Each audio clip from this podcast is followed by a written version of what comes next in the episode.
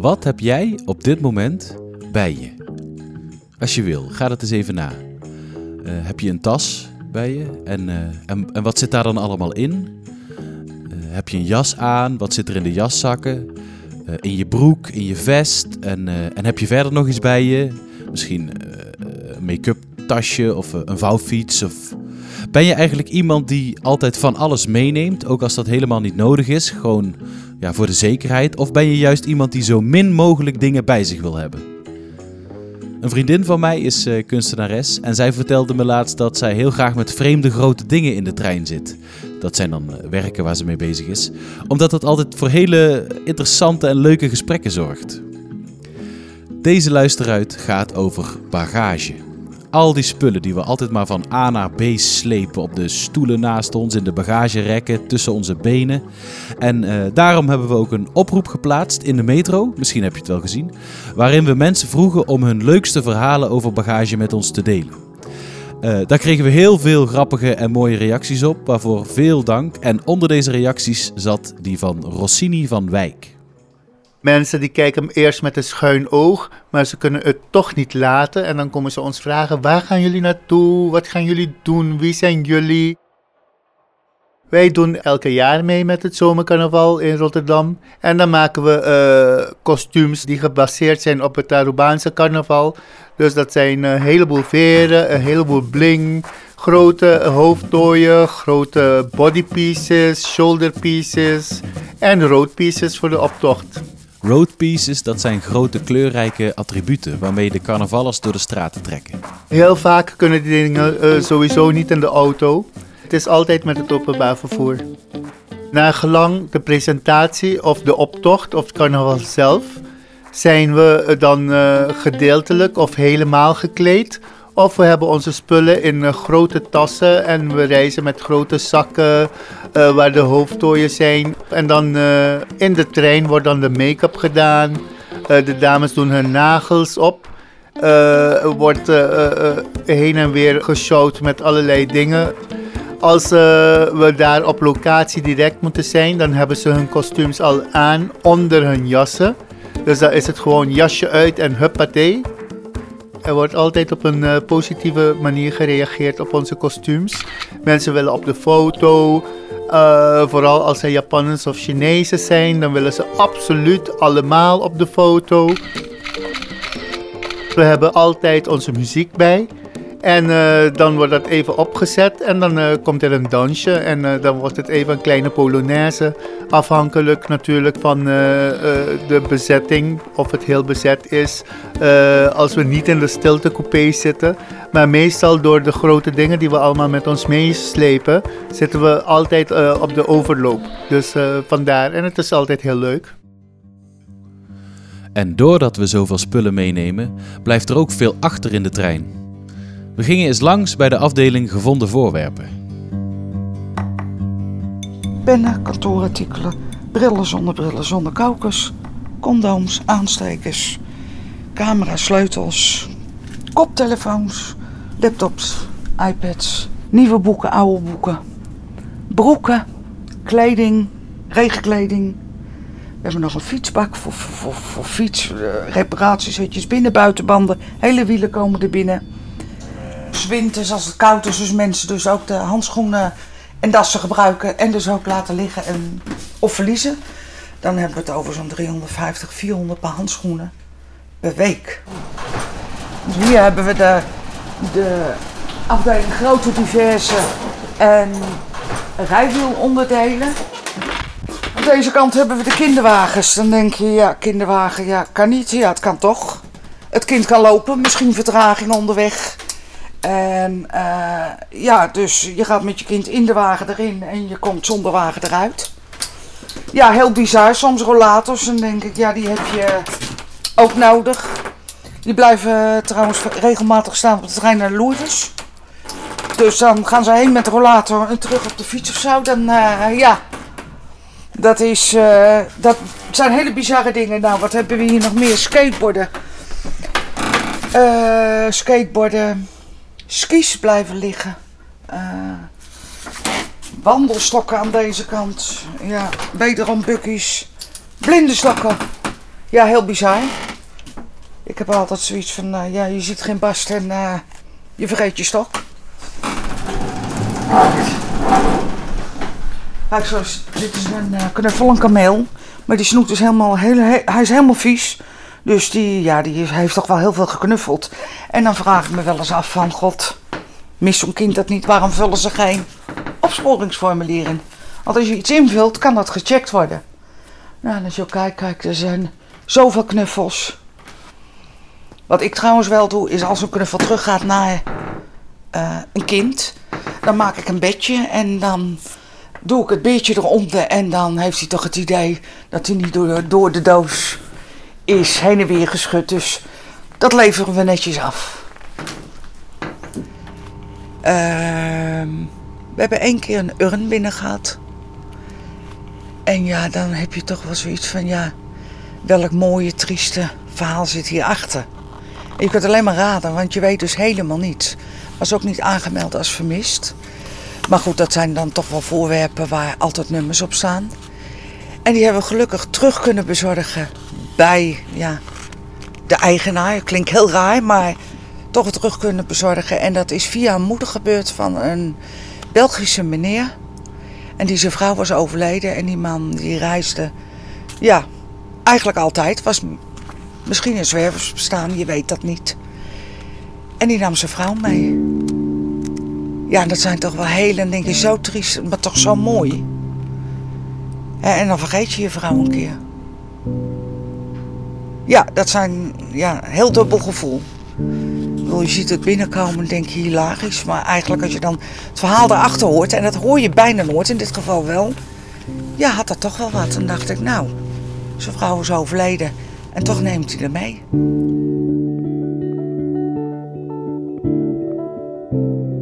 Achter al die spullen zit een verhaal. Waar komen ze vandaan? Van wie waren ze? Waren ze belangrijk of, of helemaal niet?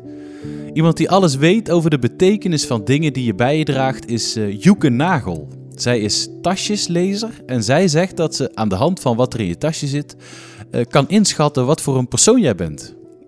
Babette Rijkhoff ging eens op bezoek met haar tas. Als je een tas omkiepert, dan kun je eigenlijk kijk je echt recht in de ziel van de draagster van die tas.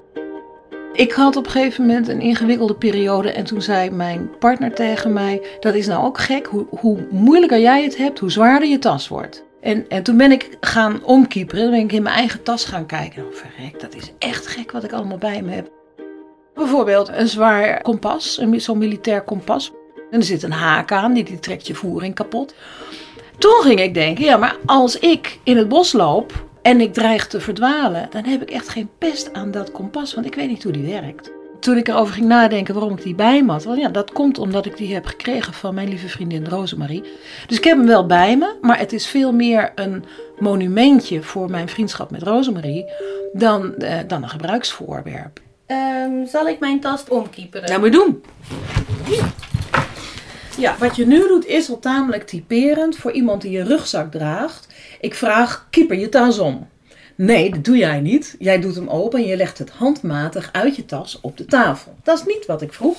En dat betekent dus nu al dat je door de mand valt als iemand die toch wel graag een beetje controle heeft in het leven. Ja. ja. Oké. Wat er uitkomt bij jou, nou, dat is eigenlijk een heel bescheiden tashuishoudentje. En als ik het zo zie, dan zitten daar in ieder geval wat logeetjes in. Je hebt, al- in een tas heb je altijd de vaste gasten en je hebt logeetjes. Ik vermoed dat die drie afwasblokjes logeetjes zijn. Ja? Klopt, ja. Het gemiddelde aantal voorwerpen dat mensen in hun tas hebben is 42. Dat heb ik geteld. Ik heb inmiddels zo'n 4000 tassen gelezen, dus ik heb er toch meer gezien dan de meeste mensen. En als je dan gaat kijken naar wat gebruik je daar dan van, nou, 7 maximaal. Dan kijk ik eerst even naar de verdubbelingen. Die hebben twee st- stripjes pijnstillers erin zitten. Dus dat is een thema wat heel belangrijk voor je is. Je wil niet met hoofdpijn komen, dus met rugpijn. Waar je dan ook pijn hebt, dat weet ik natuurlijk niet. Het is belangrijk voor jou om goed te kunnen blijven functioneren als je helemaal op pad bent. Dat zegt iets over je levensinstelling. Hier heb je twee snoepdingen, dus dat is ook belangrijk. Je hebt, en waarschijnlijk is dat je weet dat je flauw gaat worden als je te weinig suiker hebt. Of je kon deze gratis meenemen ergens, dan steek je het in je tas. En, eh, want je weet maar nooit. En je weet maar nooit is 90% van de motivaties om dingen in onze tas te steken. Je hebt ook wat schelpjes erin. Dus je bent ook wel iemand die uh, een soort van monumentjes met zich meedraagt voor dierbare herinneringen. En je hebt hier ook, en dat vind ik leuk, je hebt een, een zakmesje in de vorm van een visje. Uh, zakmesjes die duiden over het algemeen op een hang naar zelfstandigheid zelfstandig willen functioneren. Ik heb zelf altijd een opinel in mijn tas. En dat is met het idee, ja, als ik een appeltje moet schillen, dan heb ik tenminste mijn eigen mes bij me. Dat heb jij ook? Dat heb ik ook. Oh ja, oké. Het gekke is, ik eet mijn appels altijd met schil en al. Dus ik gebruik hem bijna nooit. oortjes heb je hier ook in liggen. En gedeeltelijk is dat natuurlijk praktisch als je moet bellen terwijl je in, nou ja, in een gezelschap bent. Dan kan dat handig zijn. Maar meestal heeft het de functie van een privé-tempeltje. Dus je zit in de trein en, en, en je, je, bent het spuugzat om voortdurend herrie om je heen te horen. Dan doe je je oortjes in. En je hebt eigenlijk met geluid een afgesloten ruimte gecreëerd. Dan heb je rust. Nou, en dan heb je nog neusdruppels. Ben je op dit moment verkouden? Ontzettend Ontzettend verkouden? Oh ja, oké. Nou, dan hoef ik daar verder niks over te zeggen. Het gebeurt ook wel dat ik tasjes lees van iemand die blakend gezond is, maar nog wel zes pakken zakdoekjes en twee flesjes neusdruppels in zijn tas heeft. Meestal duidt dat er dan op dat er een enorm verdriet zit. En dan kun je maar beter goed gewapend zijn met je zakdoekjes en je neusdruppels. Maar jij bent gewoon verkouden en uh, fijn. Nou, dat is ongeveer wat ik uit jouw tasje zou afleiden. Ja, dus het is heel bescheiden eigenlijk. Kijk, als zo'n tas nou vol zit, ja, dan moet je je gaan afvragen: haal ik niet wat te veel op mijn rug? En dat zie ik wel als ik tassen lees van uh, vrouwen die bijvoorbeeld een burn-out hebben. Die hebben vaak ook een te zware tas bij zich. Dan zou je zeggen, ja, dan moet je het even wat rustiger aandoen. Maar dat valt niet mee om je leven om te gooien. Maar om je tas om te gooien, dat kan dan weer wel. En dan, ja, je moet toch ergens beginnen. Dus dan zou ik zeggen, keep dan eerst je tas om. Kijk wat eruit kan en waar je echt uh, zonder kan. En neem alleen maar het allernoodzakelijkste mee. Want dan, dan belast je jezelf minder, minder zwaar. En dan kun je wat meer aan. Heb je nog iets wat je bij mij ziet, wat je denkt, laat dat maar thuis? Nee. Misschien uh, in plaats van die, uh, van die chocoladedingen een appeltje. Dat kan ook. Daar hoor je ook goede dingen over. Nou, ik heb ook even in mijn eigen rugzak zitten kijken. En uh, mijn vangst is onder andere een, een 3D-bril, een aantal kaarten van een of ander spel en een meerkleurenpen.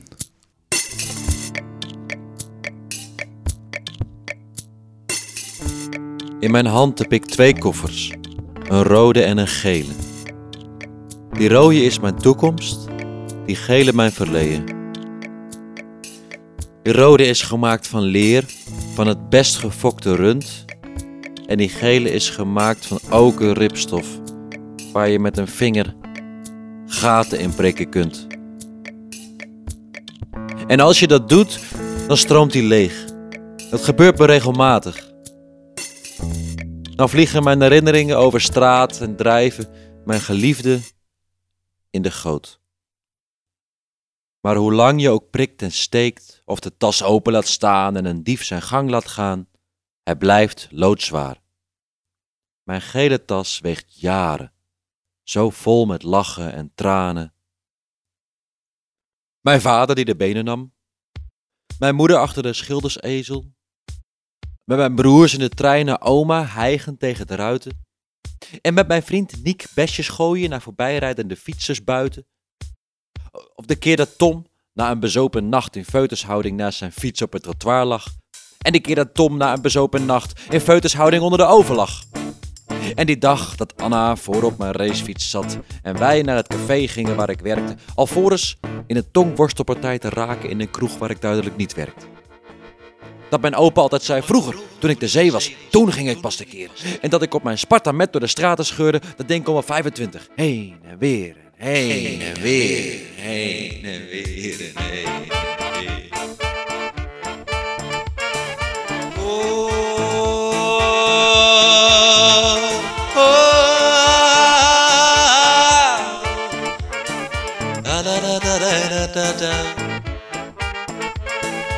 We hadden ooit een kat. Mauski heette die. En Mauski kon niet links. Echt waar, Mauski had een keer een tik gehad. En sindsdien kon Mauski alleen nog maar rechts.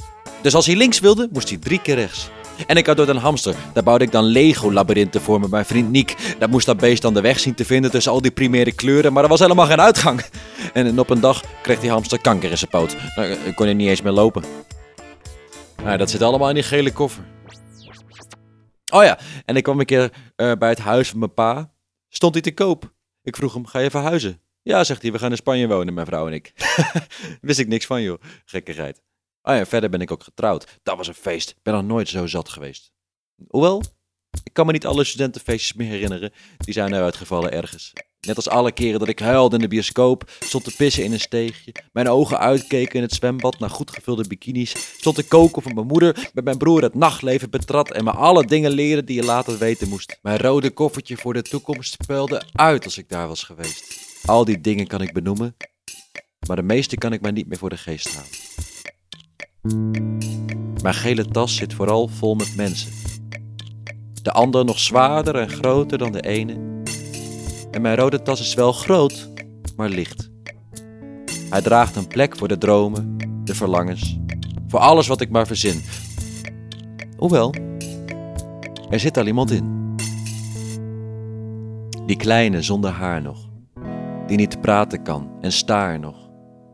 Die met die ogen van de een en de neusgaten van de ander. Die nog zonder tassen leeft en zich onbekommerd voortbeweegt. Bagage meenemen in de trein. Douglas heeft er zijn werk van gemaakt. Er was een keer dat ik uh, de coupé binnenkwam en ik zei mijn versje. Goedemorgen, railcatering met koffie, thee, soep en warme chocolademelk. Toen zei iemand halverwege de coupé, zei, ik betaal voor iedereen. In deze coupé natuurlijk.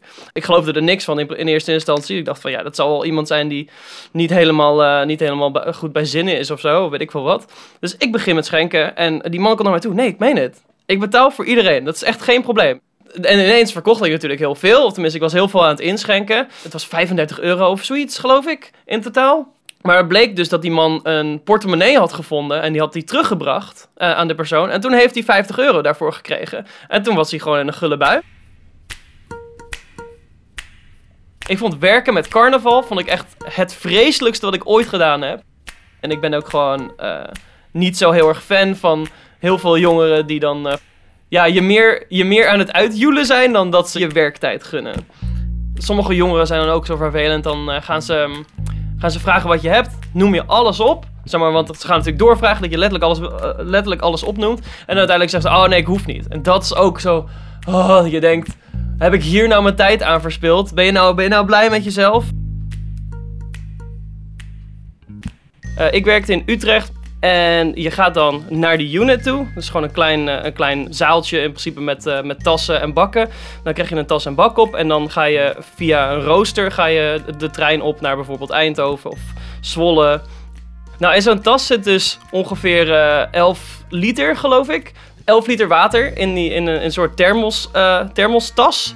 Uh, met een slangetje eraan. En daaraan uh, zit, zit, een band die je om je heupen kan doen, zodat die niet super zwaar is. En daaraan zit dan weer die bak. En in die bak zitten snoep en, en koek en zakjes voor in, voor in de koffie, want het is oploskoffie. En voor de thee, voor de chocomel als je gaat rondlopen en je gaat verkopen, dan wordt het minder zwaar. Want hoe meer water je weggeeft met thee en koffie en zo, hoe lichter het wordt. Ik vond het echt persoonlijk een heel erg leuk baantje. Want je, je, je leert er heel erg uh, met andere mensen omgaan. Uh, op een bepaald moment moest ik stage lopen voor mijn, uh, mijn opleiding. En toen uh, ben ik eruit gekozen omdat ik bij de railcatering werkte. Omdat ze ervan uitgingen dat ik een, een, een bepaald sociaal, sociale interactieniveau had. Dat soort dingen heb ik daar denk ik van geleerd ook. Maar het was wel voor mijn stage heel fijn dat dat de reden was waarom ze me aannamen. 11 liter, jeetje, wat, wat zwaar. 11 kilo extra gewicht. En dan ook nog al die andere dingen. Daar heb ik toch wel respect voor. Uh, naast koffers en tassen dragen we natuurlijk ook onze lichamen met ons mee. En voor de een is dat zwaarder dan voor de ander. Als ik met de trein ga, dan kijk ik sowieso of ik buiten de spits kan reizen.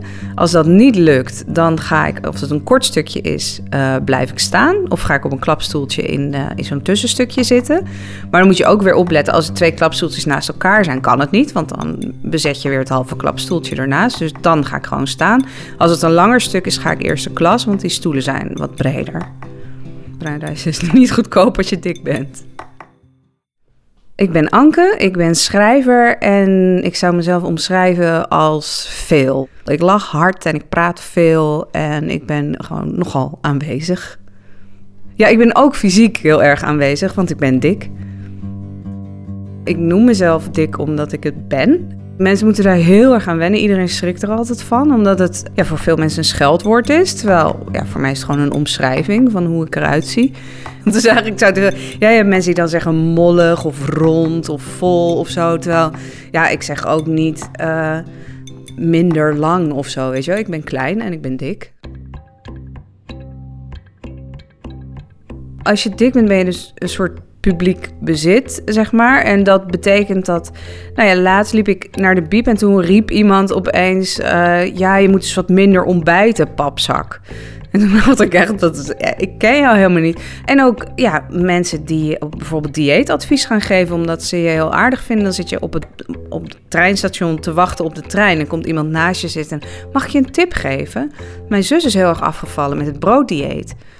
Oh, maar ik wil helemaal niet afvallen. Ik wil je tip helemaal niet. Maar dan lach ik heel vriendelijk en dan zeg ik: Nou, wat ontzettend aardig. Ja, ik ben heel blij met hoe ik eruit zie, maar wat lief. Laatst zei iemand tegen mij: Oh, als je zwaar bent, dan zal je leven dat ook wel zijn. En toen dacht ik: Nou, zet je wel heel goed als je anorexia hebt. Maar dat, dat is niet zo. Voor mij voelt het niet zwaar. Ik merk er weinig van. Ik heb er ook niet echt last van.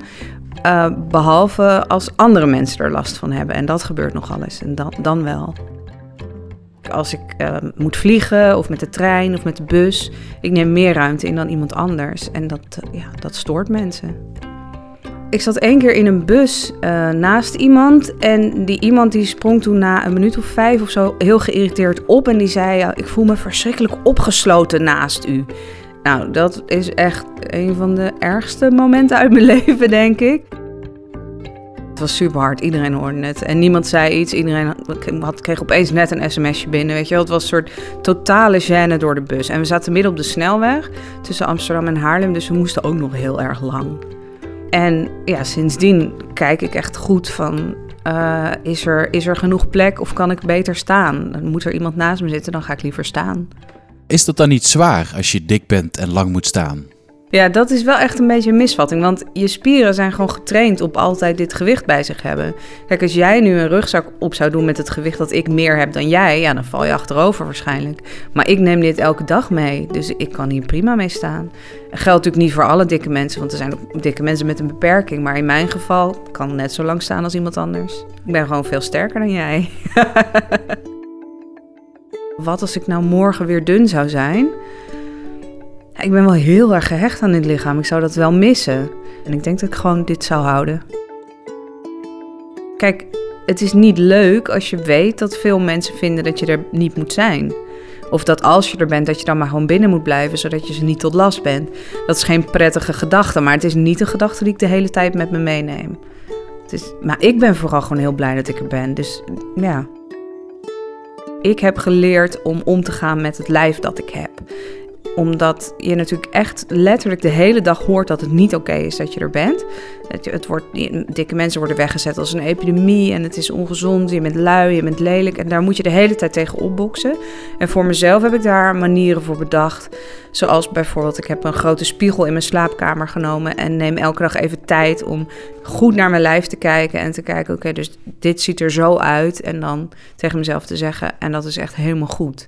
En het klinkt heel suf, maar het werkt echt. En het kostte me heel veel moeite. In het begin werd ik er echt naar van als ik zo naar mezelf keek. Ik denk een maand of drie dat het duurde voordat ik echt dacht, ja, nu is het echt goed. En nu ben ik echt wel blij met wat ik zie. Ik vind mezelf wel goed gelukt zo. Ja. Ons lichaam, onze spullen, onze herinneringen. Ja, we dragen wat met ons mee. Het leven is veel sjouwen. Iedereen sjouwt wat af eigenlijk. Weet je wat ik altijd een, een mooi moment vind? Dat is als je moet instappen en, en er staat iemand met een kinderwagen of eh, een zware koffer of zoiets, dan zijn er altijd mensen bereid om te helpen. Vaak met meer handen dan eh, nodig is. Nou, dat vind ik toch fijn. Hoopgevend. Dit was de zevende luisteruit. Leuk dat je luisterde. Uh, ik ben Thijs en mocht je nou een idee hebben voor een thema, een onderwerp of misschien heb je nog wel een goed verhaal of een tip, stuur dat dan even naar thijs.luisteruit.nl. Deze aflevering is gemaakt door Tjitske Musche, Babette Rijkhoff, Pascal van Hulst, Lotte van Galen, Nicky Dekker, Twan van Bracht, Manon van Hoekel en Tom Loijs. Technicus was Alfred Koster. Luisteruit wordt mogelijk gemaakt door NS. Je kunt je abonneren op Luisteruit via Stitcher of de podcast app. En als je daar dan toch bent, zou ik het heel leuk vinden als je even een review achterlaat. De volgende Luisteruit verschijnt de eerste maandag van maart. Tot dan!